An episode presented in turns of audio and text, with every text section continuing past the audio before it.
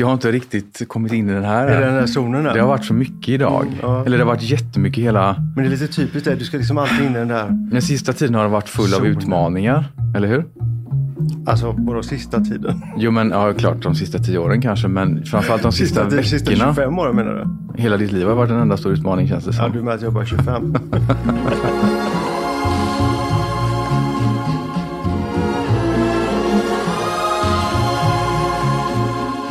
Alltså många älskar ju våren men jag har lite... um, Ångest under våren. Nej, jag har inte ångest. Jag har lucky me, ganska sällan ångest faktiskt. Jag brukar så här, välkomna in den och sen säga hej, är du här på besök? Och sen så släpper jag ut den genom bakdörren. Så, så att äh, ångest, scenskräck, eh, det är ju mänskligt. Jo, Men jag vill inte göra det till en del av mig själv. nej. För det får inte bli min dag. Utan där har jag faktiskt tränat ganska bra på att eh, få bort det. Sen vissa dagar, absolut, fine, då kan det bli sådär lite extra. Som, det var dit jag skulle komma, på våren. Våren är lite grann så här, jag tycker alla är superglada och superhappy och jättesnygga. Och eh, på tal om skönhet då, så känner man sig själv som sådär Hej, hallå, adjö. kan inte du bara stanna inomhus idag? Hur känner du med våren? Alltså jag lever ju genom mina känslor och jag lever ju genom årstiderna och det kan vara lite jobbigt. Det vet ju du som lever med mig. Jo, tack. Men våren för mig är ingen höjdpunkt. Jag skulle säga att min höjdpunkt är under hösten. När man går in i trygghetens varma, härliga famn. Medan våren är så här, saker och ting spricker, saker och ting blir nytt, saker och ting kommer fram i ljuset. Mm. Och det gäller även med ens eget inre på något sätt. kan Men det är väl lite grann så här, du är ju så här hemmakatt som jag brukar säga. Att du är, älskar hemmets lugna vrå, men det får inte vara lugnt. Samtidigt att, som jag ändå älskar äventyret. Ja. Och älskar utmaningar, älskar att utmana mig själv. men framförallt då det här då med du sa hösten, jag, då tänker jag direkt på någonting som jag tänkte på när jag träffade dig för 25 år sedan. Det var det här med, vad ska vi dricka för te? Ja.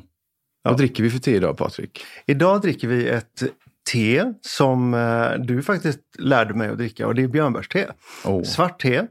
Och det, det är lugn, trygghet eh, och eh, noga utvalt. Men vet du varför det betyder så mycket för mig, björnbärsteet? Nej, När jag var liten, jag avgudade ju min mormor och morfar. just det. Och de hade ju ett sommarhus som låg djupt, djupt, djupt in i skogen i Mölltorp. Och min morfar var ju mitt Just allt. Och han älskade att göra mig glad och nöjd. Och mina föräldrar var ju alltid väldigt sena av sig så att vi kom ju alltid fram väldigt, väldigt sent. Mormor hade ju suttit vid fönstret hela dagen och hämtat. och vi kom väl fram ja, framåt åtta tiden. Då stod det alltid en kopp björnbärste och Kvibilles gräddädel. Och mormors nybakade typ rågbrödskakor. Åh, Och så varje gång när jag behöver lite extra trygghet eller behöver känna mig liksom hemma och få ett inre lugn så åker det här nu får jag fram. nästan gåshud. Sånt där är så mysigt. Alltså sådana här minnen som Mm. gör att man kan använda dem resten av livet sen för att försätta sig i en situation. Mm. Det är verkligen fantastiskt. Och det märker man ju på dig. Och jag har ju blivit likadan. När vi träffades så hade jag alltid bakhuvudet sådär. Du, ehm, man ska passa sig för tedrickare. Är det ett tänkande fo- folkslag? Jag tror det. Ett väldigt tänkande, analyserande och eh, känslosamt folkslag. Det tror jag Det är med. så lustigt att tedrickare har så svårt för kaffedrickare och kaffedrickare har svårt för tedrickare. Ja. Det värsta är att jag har ju blivit liksom både och.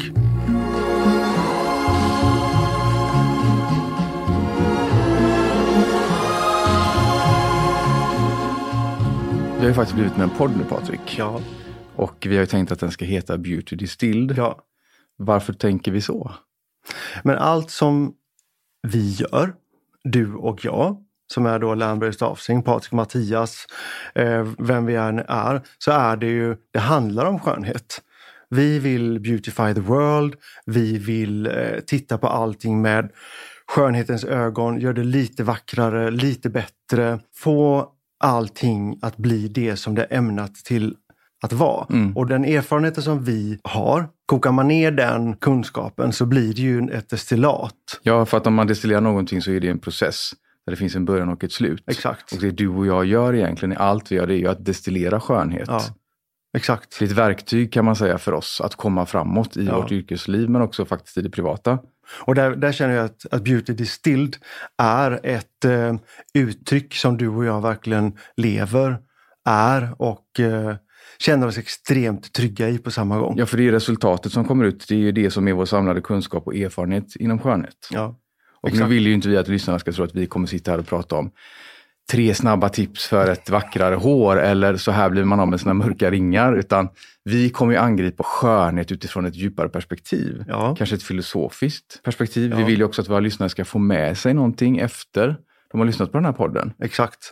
För det är ju så, visst det kanske kommer några tips inemellan. Självklart. Men den filosofiska biten är absolut superviktig för oss. Och det är ingenting som, som vi tänker utan det är bara som vi är. Mm. Och man kan väl se det lite grann som om vi möter en människa på stan så det första de säger, åh nej, typiskt jag skulle träffa er idag när jag ser ut så här. Och jag tänker så här, men kära barn, du ser ju likadan ut som vanligt. Mm. Du är lika snygg, du är lika vacker, du är lika härlig. Eh, allt det där, det ser vi. Mm. För vi tittar inte på folk, vi ser folk. Men blir inte du provocerad av det? För själv kan jag ju känna att det är väldigt provokativt när folk utgår från att man är en ytlig människa bara för att man jobbar genom skönhet och ser skönhet. Jo, absolut. Jag har aldrig känt mig som en speciellt ytlig människa men i många år trott att jag kanske är det då i och med att folk har gett mig det epitetet. Mm. De tror att man dömer dem, precis som du säger, för hur de ser ut, Jo. vad de har på sig. När det inte alls är så. För mig är ju skönhet på något sätt när insida och utsida är i samklang. Men det är väl jag är väldigt intresserad av människor. Jag är väldigt intresserad av att lära känna dem kanske på ett djupare plan. Ja, du vill ju bli väldigt, väldigt nära vän med, Ja, med många jag snabbt. älskar Medan verkligen människor, framförallt människor som bär på en historia. Jag backar ju gärna undan lite grann och eh, håller mig lite grann så här. Min, eh, mitt hårda skal eller min integritet Mm. är ju lite starkare så. Men det här då med att studera människor, det är ju eh, fruktansvärt kul. Och eh, ett av mina stora nöjen, än idag fastän vi lever ihop och allt sånt där, så älskar jag att gå ut på stan själv. Säger, säger man själv eller ens, ensam? Själv, Själv, själv Ja. är det positiva va? jag tror det. Ja, tack. Ensam är väl negativt, va? Eller? Alltså jag vet inte, men själv i alla fall. Ja. Vi säger att själv är det positiva. Då går jag ut själv på stan eller jag går på, eh, alltså när jag är ute och reser, jobbar så, i och med att du är ofta hemma och är, jobbar på Du, Hemma- passa dig nu. Det låter som att jag är någon hemmafru, det är jag inte alls det. hemmafru, har jag inte sagt. Ja, nej, men du beskriver det så. Nej. Jag är ute och jobbar medan du är hemma och bla bla bla. Så kan du inte ens beskriva vad det är jag gör. Jag sätter mig gärna i, jag sätter mig gärna i bilen och åker till Malmö, till Stockholm. Eh, stannar över natten själv. Ja. Det är inga problem för mig. Eh, och jag går gärna ut själv på kvällen och sätter mig och studerar folk.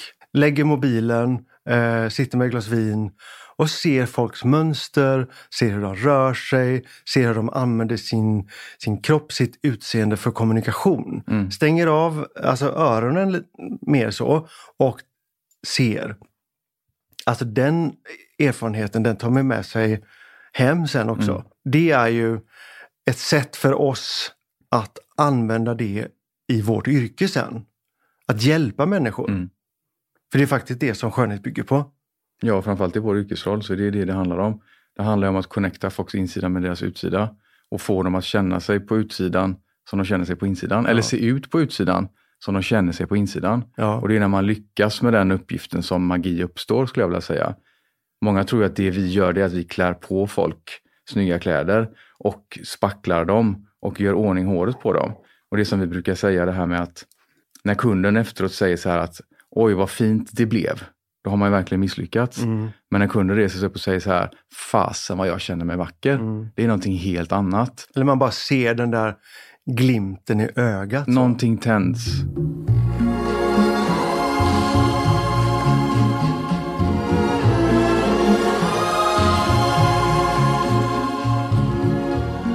Skönhet idag har ju landat någonstans i att man ska vara till exempel porfri, vilket är en fysisk omöjlighet. Det har landat i att man ska använda x antal filter på Instagram och projicera en bild av sig själv som inte är verklig. För oss är ju inte det skönhet någonstans. Alltså jag tycker det där är så... Det är lite Alltså, tragiskt och ja, det är lite, synd om tragiskt människan. faktiskt. Ja, för vi för att det blir ett ju. ideal som är väldigt svårt att uppnå, eller det Ja, går inte det att går uppnå. inte att uppnå. Då blir det ju en, en skyltdocka till slut. Då. Precis. Och jag förstår inte riktigt varför vill man dit? Nej, absolut inte. Utan snarare det här. Jag vet eh, en av våra eh, bästa vänner som även är våran eh, en av våra yogainstruktörer som vi försöker ändå liksom hålla oss igång, träna så mycket det bara går och yoga är en del av det. Nu ljuger du va? Nej, det gör jag faktiskt inte. När yogade du sist? Alltså, När gjorde du hunden sist? Nu tycker jag du är sådär... Nej, men bara svara på frågan. Vi ska ju vara transparenta och ärliga här har vi sagt, eller hur? Jag ser mig som en yogande person, punkt. Sen om det var igår eller för två veckor sedan, är det, är det väldigt viktigt Det för var dig? snarare tre år sedan senast. Strunt samma, vad jag vill komma till där är i alla fall. Om, om man tittar då på yogakulturen så finns det något som heter prana. I, eh, I Kina så säger man chi, i Finland så säger man sisu. Allt det där handlar ju om att faktiskt man är, har ett, eh, en känsla i kroppen, Mm. att man är stark. Mm. Det är skönhet. Att vi hjälper människor att hitta den styrkan i ryggraden. Och det blir någonting som är helt fantastiskt när man får folk att förstå att om den insikten bara trillar ner, att det handlar inte om ögonskugga, eh, mascara, hårfärg, utan det handlar om vad du känner. Mm. Då har du någonting som är du. Mm. Men vi, säger, vi utger oss ofta från att vi har någon slags sanning när det kommer till skönhet. Att vi sitter på den. Och vi säger, pratar ju oftast om det här gyllene snittet som om att det också vore en sanning. Och jag har reflekterat ganska mycket över det och tänker så här att men hur kommer det sig då att skönhet ser så olika ut i olika kulturer? Hur kommer det sig att skönhet har förändrat sig så mycket genom tiderna om det vore så att det fanns en sanning? Mm. Är det inte egentligen så att vi kan inte vara objektiva när det kommer till skönhet utan den är subjektiv? För skönhet är ju egentligen en samling av olika kvaliteter, Mm. intryck, färger och former Mm. som appellerar på en viss personlighet, eller hur? Mm. Absolut. Är det inte egentligen bara så att vi försöker applicera en mall då på människor? Jo. Och hur kul blir det? Vi söker ju skavet. Mm. Det här som gör en person intressant. Vi möter ju också ganska ofta människor som säger du måste hjälpa mig för jag känner mig inte så fin. Jag har så breda höfter, jag har så stor näsa, jag har så tunt hår. Och jag kan bli så... Alltså, där, det, jag får liksom ont i hjärteroten där nästan. För varför är det så, Mattias, att vi har så lätt för att titta på våra negativa saker, som vi då säger är negativa, och fokusera på det och göra det till sanningar istället för tvärtom. Mm. Jag vet inte, men tror du inte att det bottnar väldigt mycket i rädsla på något sätt? Man vill ju stärka det man tycker är dåligt för att man ska bli en starkare person. Tänk om vi bara kunde bli bättre på motsatsen, att hitta våra inre styrkor, hitta våra sweet spots som man säger och utnyttja det. Mm. Jag kan väl- uppleva att de människorna som gör det, det är de som tar sig framåt. Accepterar och har en dialog med sig själv kanske. Ja. Tittar på sig själv. Känner in sig själv. Men jag tänker på det vi ofta pratar om, det här med att man har 30 000 dagar i ett genomsnittligt liv. Mm. Och om man börjar tänka så så förstår man hur viktig varje dag är. Varför väljer man inte skönhet varje dag då? Varför gör man aktiva val hela tiden där man gång på gång väljer bort den? Varför Det- tycker folk att det är så svårt att när man ska ta en kopp kaffe, göra det lite fint, att hylla den stunden, att duka fint, ta fram sitt bästa porslin. Mm. Varför ska det slarvas och hafsas? Mm. Bråttom, bråttom, bråttom. För att för mig är det där att välja bort skönheten. om man ser en person och som man beundrar för de har alltid eh, genomtänkta kläder, snygga i håret, eh, hudvården är bra, makeupen är bra och de dessutom har ett lugn. Mm. Då förstår man ju att det som de har kommit fram till är ju att sänka pulsen och göra få saker men göra dem rätt. Mm. Det är ju någonting som är väldigt avundsvärt. Mm. Men det är här vi kan komma in på lite det här med rutiner, tycker jag. Ja. Därför att rutiner för mig är ju ett verktyg för att hjälpa en att nå ett resultat. Mm. Och Ja, jag tror att absolut. många glömmer bort vikten av just det här med att sätta upp bra rutiner som sen kan bli till goda vanor. Jag skulle inte kunna leva utan mina rutiner. Jag skulle inte kunna leva utan mina heller. Jag skulle nog eh, skrumpna ihop till en liten eh, dammråtta i ett hörn utan mina rutiner. Men ser du dem som en ledstång eller ser du dem som eh, självvalda och goda, goda rutiner? Ja, det finns mycket psykologi bakom det där. För mig är det nog väldigt mycket en ledstång. Det är som om du tänker dig, mina rutiner är en duk jag spänner upp över ett skelett och det blir till min person. Mm. Det hjälper mig att hålla, hålla fast mig liksom och hålla mig förankrad på något sätt. De är livsviktiga för mig, mina rutiner. Ja, Och de, tack och lov, har de blivit till goda vanor så jag behöver inte tänka så mycket på dem. nej. Jag eh, är ju som en sån här tråkig gammal gubbe vad det gäller många saker och tycker att när man reser så, åh vad skönt, nu kommer vi bort från våra rutiner och jag känner nästan tvärtom. Ja, jag håller med dig. Alltså här, när man ska packa den ångesten Ja, och man ska behöva planera allting som man behöver förutse när man ska resa. Åh, exakt. Och själva förflyttningen, den är Ja. ju fruktansvärd. Ja. Men sen är det ju lika underbart när man är på plats. Ja, ja, när man väl eh, har kommit över det så är det ju... Eh, Men vad kommer sig då att många tycker att för mycket rutiner blir som ett fängelse? men jag tror att det är, för, det är dåliga vanor istället. Det är inte rutiner då. Nej. Det är dåliga vanor. Alltså rutiner för mig, det är att min hjärna får spelrum att få vara kreativ i ett ramverk. Mm. Och eh, det är superviktigt som kreatör att få, få vara det. Att få vara fri i tanken, fri i sitt eh, sätt att skapa. Man har subjektiva tankar om, om allting, ha en dialog med sig själv. Mm. Det kan jag ha om jag har ett ganska strikt ramverk, alltså mina rutiner. Mm. Med träningen, med kosten, med hårvård, med hudvård, med mina kläder. Alltså jag älskar min färgkoordinerade garderob. Jag får panik Mm. om det är stökigt, rörigt. Om det är så här, åh du har en ledig dag imorgon, vad ska du göra då? Jag har mina rutiner så Mm. att jag följer dem. Sen ser jag vad jag fyller med någonting däremellan.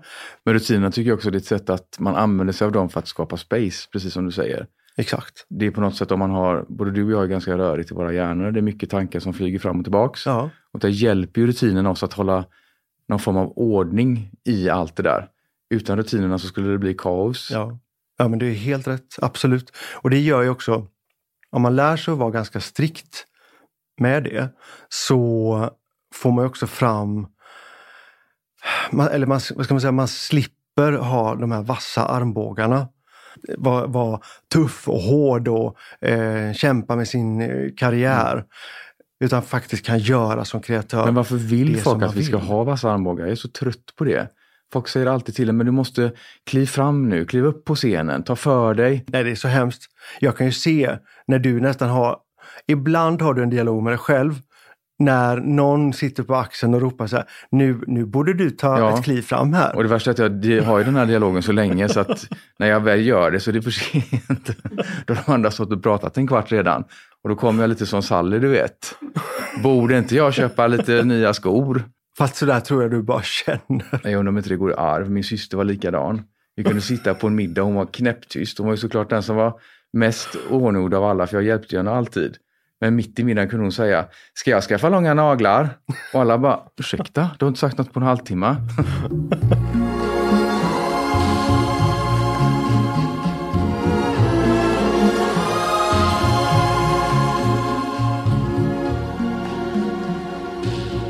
Kan inte du berätta? Jag tycker det är så fascinerande när du eh, var... eh, du jobbade som modell i, i New York ett tag. Och du gick hos din eh, acting coach. Ja. Och hon sa åt dig att idag ska du vara den här personen. Ja. Och så gick du ut i verkliga livet med det. Alltså det var helt fantastiskt. Jag gick hos en kvinna som heter Susan Batson och hon var ju acting coach till Nicole Kidman, Tom Cruise, Madonna. Hon rollbesatte alla Spike Lees filmer. Hon var liksom en superstjärna inom den här liksom kulturen. Och jag hade ju en uppfattning om hur vad skådespeleri var. Men det stämde ju inte alls överens med hennes uppfattning. Utan att träffa henne var ju som att gå på värsta, värsta tänkbara terapisamtalet du kan tänka dig. Alltså man får ju grotta sig ner i sig själv, sin uppväxt, sina trauman. För det är allt det du sen ska använda dig av inom skådespeleriet. Och vi kom väl lite grann fram till att om jag skulle kunna få tillgång till mitt skådespeleri som hon ansåg att jag hade i mig, så var jag tvungen att släppa på väldigt mycket. Och framförallt mycket för inställningar till mig själv. Och då gjorde vi en övning där jag skulle gå ut med henne på en, vi gick till en diner. Och då skulle jag spela den här sexiga, rebelliska James Dean-personen som sitter liksom bredbent med armarna utåt sidorna, lutar sig tillbakåt, är självsäker. Och så skulle hon sitta lite på avstånd och titta på mig, hur liksom det såg ut. Mm. Allt detta slutar med att jag fortsatte i den här rollen under dagen. Och så st- står jag utanför en port.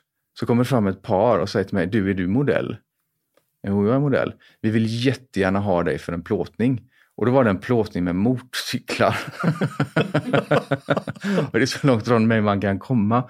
Men där förstår man kraften i det här. Liksom. Jag gick in i min andra persona som hon kallade det. Mm. Och med hjälp av det så lyckades jag skapa en helt annan uppfattning hos folk Mm. runt omkring mig om vem jag var. Mm. Men det innebär ju också så här att eh, en, en acting coach som du var då och det vi gör, alltså vi gör ju skönhets beauty coach kan man ju kalla oss då. Mm. Att vi hjälper folk att förstå det här. Att det är egentligen inte det vi gör. Vi har inget magiskt spö som gör att det ändrar sig med en gång så här utan det, jobbet måste man göra själv. Mm. Men när, när bestämde du att du skulle jobba med skönhet? Det som vi Jag har aldrig känt att jag har valt skönhet. Jag har känt att skönheten har valt mig.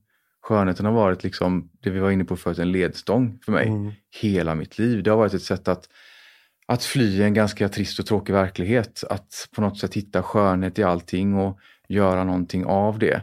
Att göra de här heliga rutinerna, eller vad man ska kalla det, som är liksom byggs av skönhet. Man ser någonting och man gör det bättre. Mm.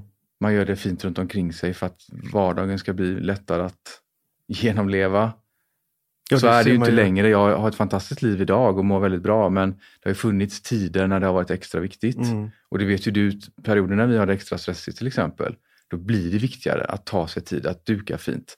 Att se till att få tid för att äta middag tillsammans. När man kanske egentligen inte har tid och borde prioritera annat. Mm. Ja men det där är ju för oss så självklart och det har ju blivit en, en bra rutin. Mm. Och det märker man ju på, på vårt kontor eller när, när vi är ute och jobbar eller när vi tillverkar våra produkter till exempel. Mm. Att eh, det finns ingenting som är slentrian eller slump utan allting det måste stämma och måste rimma Mm. allting. Så att det känns rätt hela vägen. Men vi vill ju hjälpa folk att få en vackrare vardag. Ja, exakt. På samma sätt som vi gör det för oss själva. Ja. Om inte skönhet och kultur fanns kvar, vad finns det kvar att kriga och slåss för då? Mm.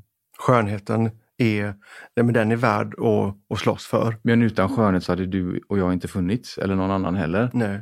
Vad, eh, vad tänker du att framöver den här podden att vi kommer prata om? Är det någonting, något ämne som du eh, har på tungan just nu? Jag tänker att vi kommer prata jättemycket om allt som vi tycker är viktigt i våra liv. Mat, konst, kultur, arkitektur, eh, träning, hälsa. Mm. Det kan faktiskt vara vad som helst.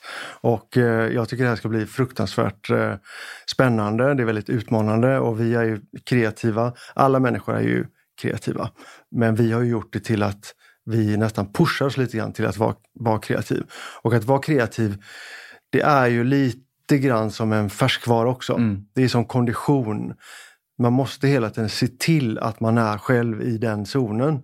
Och mitt bästa tips där, det är ju faktiskt att eh, ut i skogen. Mm. Och därför har jag ju gjort det till min vana. Jag var på en föreläsning för många, många, många år sedan där en kille sa om du ska nå framgång, börja med en bra vana varje dag. Gå ut en timme i skogen. Och jag var lite grann så här, mm, ja det kan ju funka för vissa, men sånt där, jag tror inte riktigt på det. Jag kan, jag kan nog sätta mig i den här zonen själv ändå utan det. Men många blir stressade av det där. Bara blotta tanken på att man ska gå ut i naturen och gå för att komma nära sig själv. Ja, men jag började. Jag testade. Eh, första veckan var öken, andra veckan var öken. Tredje veckan så vaknade jag på morgonen så bara jag kom på att men jag är på väg ut och Mm. gå. Och sen nu är det, jag kan inte föreställa mig imorgon utan att få en timma själv ut från våningen hemma och upp i skogen och hem och få min kaffe. Mm. Alltså det där är ju, för om jag är helt noll på kreativitet innan, så när jag kommer hem så bubblar det. Det verkligen, det startar igång så mycket.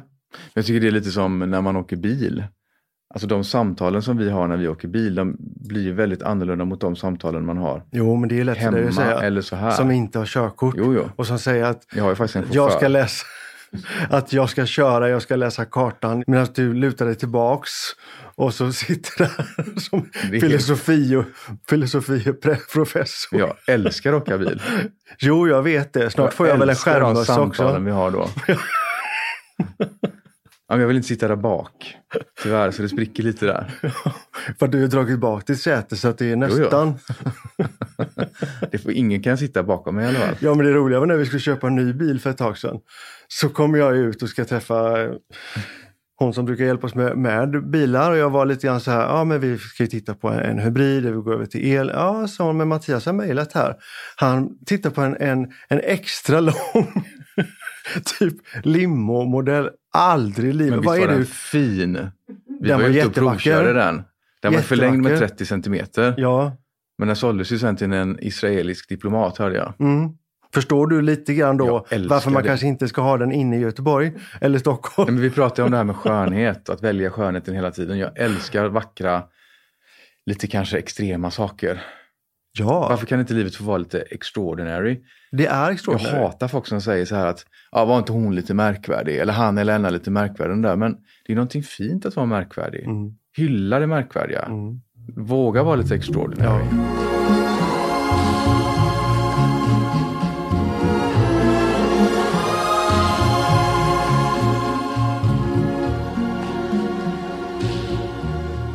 startade det för dig? Jag vet ju det, men jag tror inte att de som lyssnar gör det kanske.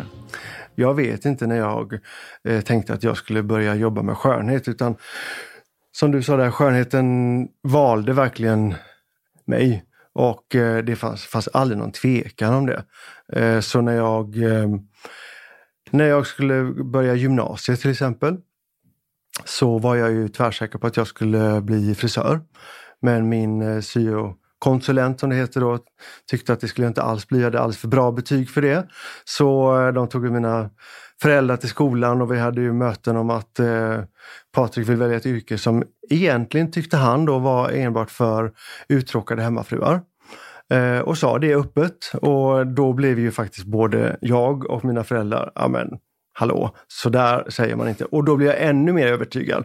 Alltså, träng inte in mig i ett hörn, för då blir, det, då blir kraften Mm. ännu starkare. Och eh, jag gör alltid som jag vill. Det bara är så. Och det tror jag att jag har blivit fostrad till Mm. och har det genetiskt. Att följa mitt hjärta. Och eh, för mig finns det inget annat sätt än att följa hjärtat. Och magen och hjärtat, alltså magkänsla och hjärtkänsla, det hänger ihop väldigt mycket. Så eh, jag började, eh, jag sökte faktiskt en, en plats på ett, en salong i Göteborg. Och då skulle man vara 16 år. Jag var 14 så jag ljög. Redan då var du bra på det. Älskar att ljuga. Vad är det för fel på mig? Jag vet. Alltså, Det handlar väl om att försköna lite där också kanske. ja men alltså ibland kan det vara så här lite grann. Eh, det är bara lite, lite kul att Ja, kasta in någon sån här liten lögn. lite. Spetsa till det lite grann. Ja. Krydda det lite grann. Så. Det kallar inte jag för ljug heller i och för sig. Så. Utan det är ju mer att eh, få eh, men, göra någonting intressantare. Alltså lite starkare färger Mm. i saker och ting. Mm. Men då, då ljög jag i alla fall, för jag sa att jag var 16 och inte 14. Så jag kommer dit och eh, fick den här platsen då på, på Noblesse. Och sen efter ett par, ett par lördagar när jag hade varit där så sa min eh, chef att eh, du, ska vi ta ett möte och det här funkar riktigt bra. Ja, så det tycker jag med. Alltså jag verkligen stormtrivs här. Men jag måste berätta en sak, sak sa jag. jag. Jag är inte 16 år, jag är faktiskt bara 14. Och då började han skratta och sa, jag vet det, tror inte du att jag har ringt till dina föräldrar? Men eh, det är helt okej. Vi, eh, vi gör ett undantag så att eh, det här ska nog gå vägen. Ska Jag hade så gärna velat se detta för att idag med lite perspektiv och när man ser en 14-åring så tänker man att det där är bara ett jätte, jättelitet barn. Ja, Noblesse, det var ju liksom på den tiden var ju det det största som fanns inom salongsvärlden i I Sverige. Göteborg och kanske Ja, Sverige. norra Europa faktiskt. Det var ju som en, en stor nattklubb. Det var ju som en scen har jag förstått. Det var ju nästan legendariskt när jag började min bana. Vi hade DJ vissa dagar och det var 54 frisörer. Och eh, alla stod och dansade bakom stolarna och eh, det här var ju eh, tidigt, Tidigt 80-tal va? tidigt 80-tal. Och eh, det var, det var som en klubb. Helt otroligt. Fantastiskt. Så mycket folk, så mycket liv, så mycket rörelse. Och du kan ju tänka dig som 14-åring från Alingsås Mm. med glasögon. Ja, Jag vet ju hur du såg ut. Ja. Varför skrattar du? Det var ingen rolig historia. Nej men jag, eh, jag var inte den där som, som stack ut direkt utan jag studerade väldigt mycket. Jag älskade att stå i det här hörnet och se och insupa allting. Alltså jag var ju som en svamp. Jag bara insöp allt så här. Och det var faktiskt där som min stora upplevelse också kom för att det här ska jag göra för resten av livet. Och lite grann varför jag gör det jag gör och hur jag tänker. Och det var faktiskt en dag mitt i den här röran så flyger dörren upp och eh, in kommer en kvinna och ställer sig mitt på golvet och min chef säger så här, "Nej, men hej och välkommen men det finns ingen tid bokad idag. Jag ska på världens premiär ikväll. Jag eh, måste bara bli fixad. Det får ni bara lösa. Så hon till och med går fram till en person som sitter på en stol, knackar dem på axeln och säger ursäkta, eh, skulle du vilja gå och sätta dig i soffan en stund? Och sätter sig och bygger sitt lilla bo, knackar i bordet som får sitt askfat och det kommer kaffe och sen väntar på att någon av stjärnfrisörerna ska komma och eh, styla hennes hår. Vilka tider det var förr Ja, det alltså. var tider det. Så ser jag min chefs blick som drar sig mot mig och säger Patrik, du får lösa det här. Du vet, jag blir så nervös att jag visste inte riktigt vad jag skulle ta vägen. Eh, och du vet, man blir spänd i nacken och leendet blir sådär, du vet, så här Och stelt, fastlimmat liksom. fastlimmat. Men jag går fram till henne i alla fall och säger, "Ja, ja, god dag. Ja, god dag, säger hon. Och vad har du tänkt min lille vän? Jag ska hjälpa dig med håret, sa jag. Åh herregud, hörde jag bara henne pusta i ett rökmoln så här. Och jag tänkte så här, men herregud, vad ska jag göra? Och så tänkte jag bara så här, men vi har ju en afghanhund hemma som ställs ut och då ska ju pälsen vara så här jättestor och jättefluffig och jätte, det ska liksom bara svaja i vinden så där. Jag ser ju, jag har ju sett då hur den tekniken är när man fönar upp det. Jag kör det. Så jag fram med borstar och tänger och blåser och håller på. Och sen så backar jag undan, tar av kappan och så visar jag nacken. Inte ett ljud. inte ett ljud. Hade du panik då? Vad tror du? Jag hade sån panik så att jag visste inte vad jag skulle göra. Reser sig upp, ställer sig mitt i salongen och min chef, han säger så här. Karin, vi löser det här. Så blir det ännu tystare. Så reser hon på huvudet. Du, sa hon, det är första gången jag ser ut på utsidan som jag känner mig på insidan. Och nu börjar jag nästan pipa igen. Helt fantastisk historia. Ja, men då förstår man att den rustningen man tar på sig då, alltså det, det som gick upp, alltså det som blev då en insikt Mm. i min ryggrad. Du fick var- allting bekräftat Jag fick där. allt bekräftat. Allt både bakåt och framåt. Så det blir en filosofi att arbeta efter. Mm. Hon blev såklart en av mina absolut trognaste kunder och promotade mig då såklart för alla sina väldigt eh, extravaganta väninnor. Så att jag hade en kundkrets när jag var 16 år. Du vet, liten blond från Alingsås och helt plötsligt har en stor kundkrets med Mm. Göteborgs och Stockholms mest extra- extravaganta kvinnor. Men det måste förändrat dig jättemycket som person tänker jag. För att att pendla då från Alingsås in till Göteborg och till det här skönhetsmäckat och träffa de här människorna som är så otroligt extroverta och lever la dolce vita och allt det där. Och sen komma tillbaka hem och känna att de andra har liksom inte fått de här intrycken som du hade. Och de intrycken du fick var så otroligt viktiga för dig och din utveckling. Jag har inte riktigt reflekterat över det så mycket. För det, alltså jag, jag gillar ju när folk är som, de, är som de är. Inte förställelse. Så att när man då kom hem till Alingsås så visste jag att men här, är, här är de så här Mm. och det, det är helt okej. Så att det är också en insikt som man fick att men låt folk vara lite. Mm. Att man inte prackar på dem någonting. Men du måste också ändå ha känt att någonting, när du träffade de här människorna, kom i kontakt med den här världen. För jag ser ju dig lite grann som en påfågel också. Och du måste ju ha fått väldigt mycket näring ur det här. Ja, då är du en papegoja i så fall. ja men det är väl klart. Jag, eh, jag älskar att vara påfågel själv. Och det är väl därför man känner så här att man, man vill vara med, med dem man känner sig hemma Mm. med. Och då blir det ju väldigt mycket i det gänget.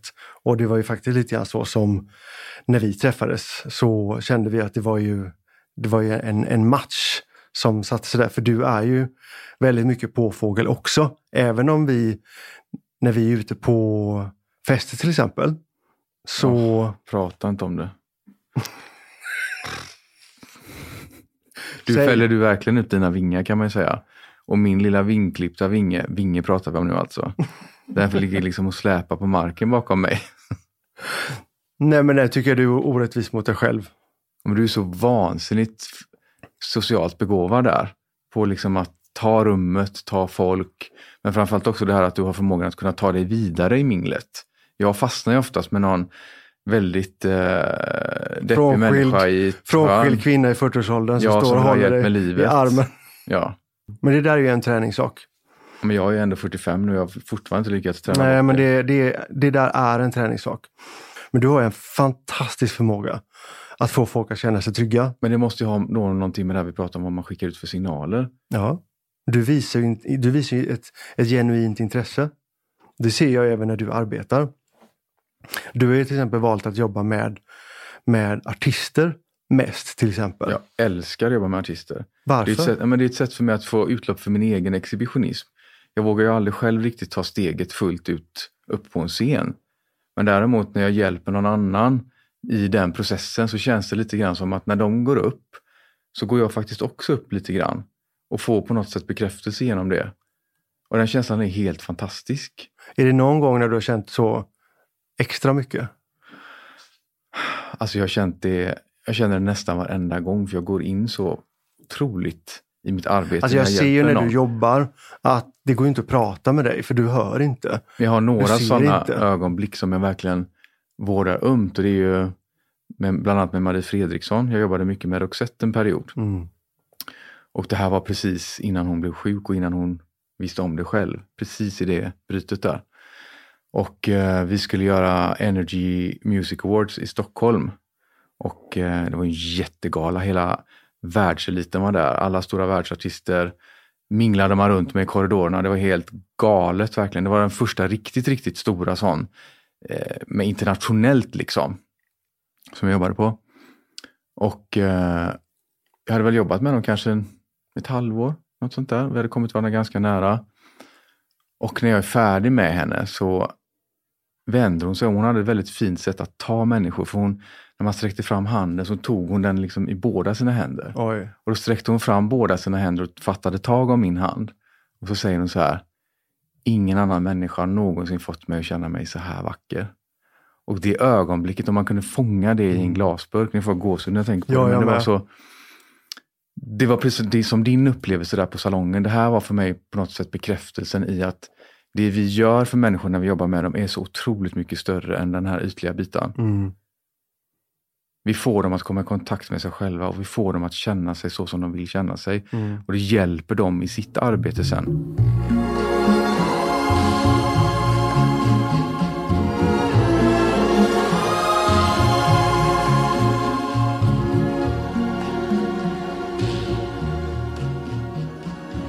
Vad har du gjort mer egentligen i ditt skönhetsliv? Åh herregud, allt och ingenting skulle jag vilja säga. Ja, du är lite grann i varje gryta och Ja, jag gillar ju det. Jag gillar ju det. Nej men jag, eh, jag började också som eh, frisörelev. Det är det som är så lustigt med oss. att Vi har ju levt parallellt fast med tio års förskjutning i och med att Mm. du är tio år äldre än mig. Men gjort fick du sagt det också? Då? Ja. Nästan, gjort nästan samma saker. Och eh, jag började ju på NK-salongen när jag var 14-15. Eh, jag var trött på skolan, mådde inte så bra i skolan så att jag åkte faktiskt in till NK istället och frågade kan jag få jobba här gratis? Och det fick jag. Så att jag var där eh, och började min bana men insåg ganska snabbt att stå på salong och klippa folk, det var inte min grej. Det gav inte mig tillräckligt med utväxling. Jag ville så mycket mer. Så att jag började praktisera på MTV Studios i Jonsered. Precis där i, i, i skiftet när de började få en massa produktioner. Och jag var den enda som kunde hår, vilket gav mig ett försprång. Och eh, till slut så hette det bara att ja, men om du lär dig makeup också så kan du få anställning här. Och det är klart att jag gjorde det. Så att eh, redan som 18-åring så hade jag i princip hela den svenska artisteliten som mina kunder och många ville fortsätta jobba med mig utanför jobbet där som frilans. Just det. Och det har jag egentligen fortsatt med. Men däremellan har jag tryckt in modellandet. Jag har jobbat jättemycket med eh, att inreda åt folk, eh, rita butikskoncept. Jag har gjort jättemycket eh, trendanalyser för företag som Mio och Ikea och sånt. Så att man kan väl säga att skönhet och färg och form har varit någon slags ledstjärna för mig egentligen i allting jag gör. Och på grund av att det är så, så tycker inte jag att, att det blir så svårt. Nej. Det är så många som frågar mig, men herregud, hur kan du göra det? Ja, men det är bara att tänka färg och form och tänka helhet. Så löser det sig någonstans på vägen. Man, man behöver inte ljuga sig fram, utan det är bara att, det är bara att göra. Men där tror jag du har väldigt rätt i att, att, att göra. Många fastnar ju. Ja, att våga göra, Att att, våga våga, göra. utmana sig själv hela tiden, att våga ta de där kliven framåt. Och ibland så kliver man snett och då får man bara ta sig ur det. Men, det är men hellre då man det. hittar lite nya vägar. Man måste gå lite fel ibland. Precis. Det är när man kliver fel som man lär sig någonting om sig själv. Ja, Och ofta så leder det till någonting annat som blir mer rätt än vad det hade blivit annars. ja. Och så kan det bli väldigt, väldigt dråpligt eller väldigt roligt i efterhand sen. Men kanske inte mitt precis då när det händer. Men då tänker man, men vad gör jag här? Men när klev du sådär riktigt fel? När sket du ur det blå skåpet senast? Jag är väldigt duktig på att förtränga sånt där. Vet du. Mm. Sopa undan skiten. Sopa undan skiten under en matta och så gömma det. Nej, eh, det gör jag inte. Men oj, vad gjorde jag? Alltså jag har ju inte så svårt för, för att göra bort mig för jag kan ju då, då sträcker jag bara på mig så gapskrattar jag själv och tänker alltid så här, skrattar jag högst själv så, så har jag ändå vunnit lite grann. Mm. Men eh, Du skrattar ofta högst själv så att du måste göra fel väldigt ofta då. du är inte så dålig på att skratta du heller, ska du veta. Ett, ett gott skratt det frigör väldigt, väldigt mycket endorfiner, Endorfiner, ja. och det är väldigt nyttigt. Och det är skönhet, Mm, faktiskt. faktiskt. Alltså glädjer, alltså titta på en människa som, som nu pratar inte jag om mig själv här då, men en människa som, som ler, som har lite härlighet i blicken. Det är lite trevligare än mungipor som går ner Mm. och, eh, och, och mörka ögon.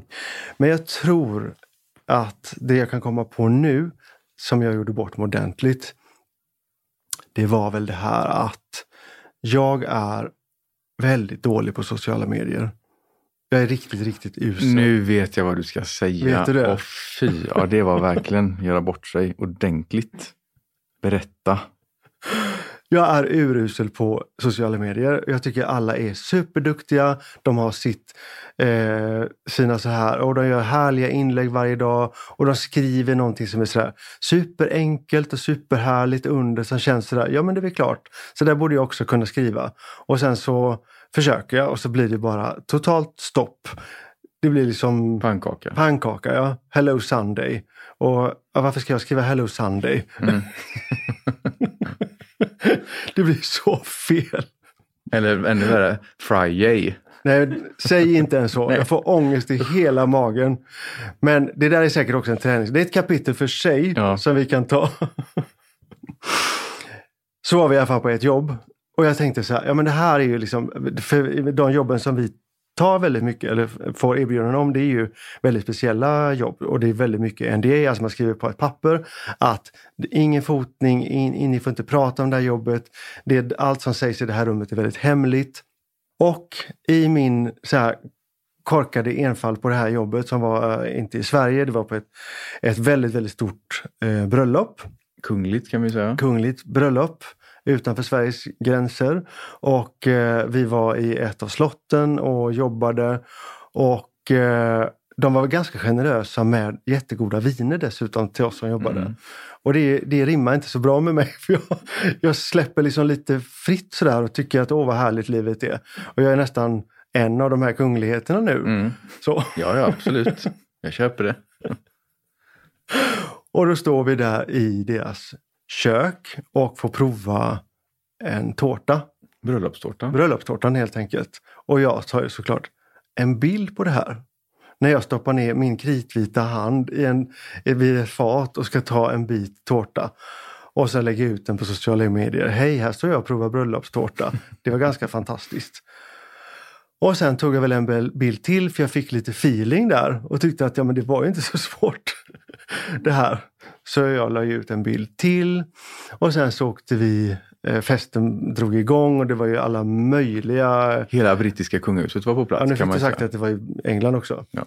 I alla fall, då åkte vi till hotellet och sen så vaknar vi tidigt på morgonen dagen efter så ser jag min telefon att men gud, jag har liksom 78 missade samtal.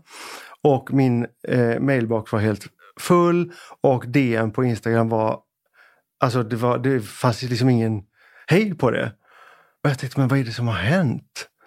Och så ringer en kompis till oss Amanda och säger Åh, eh, var det kul igår? Det var jättekul. Mm. Har ni varit ute och läst eh, eh, Harper's Bazaar? Har ni läst British Vogue? Har ni läst Nej, vadå? Hello, the Hello, sun. Magazine The Sun, allting. Nej, varför, varför ska vi göra det? Ja men Patrik, du är den enda som har lagt ut bilder från bröllopet. Och det var på första sidan. Och det var på första sidan på alla tidningar. Att här står den svenska frisören och provar en bröllopstårta. Enda bilden från det kungliga bröllopet. Jag fick sån panik så jag trodde jag skulle Ja, få- haft sån ångest Du Patrik. var så arg så du... Men jag fick alltså- sån ångest. Ja men tänk så här, du är ju lite, du är alltid lite arg. Men här blev du jättearg och sa att det var ju väldigt typiskt Ja, men det är så typiskt dig. Det är inte typiskt Jo, mig. det är en A eller Ö. Eller ett eller hundra liksom.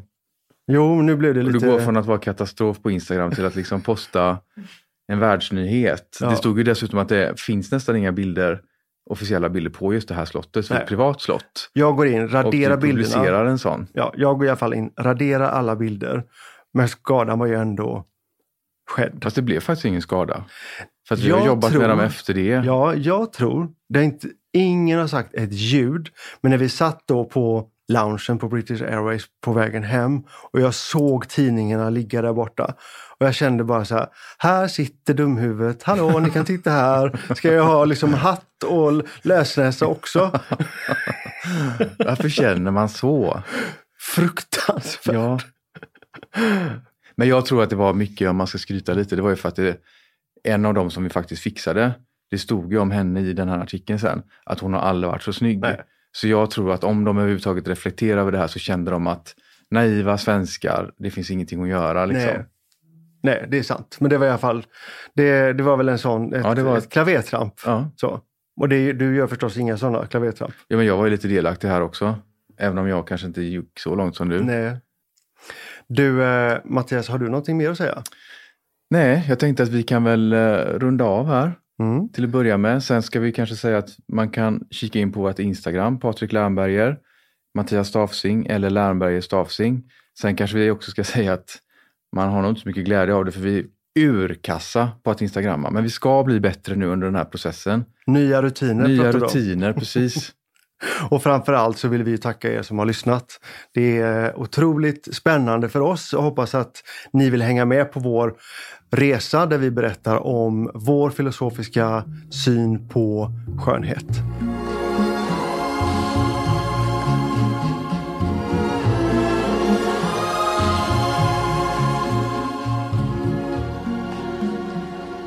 You have listened to a Pulpo original, and that makes you amazing.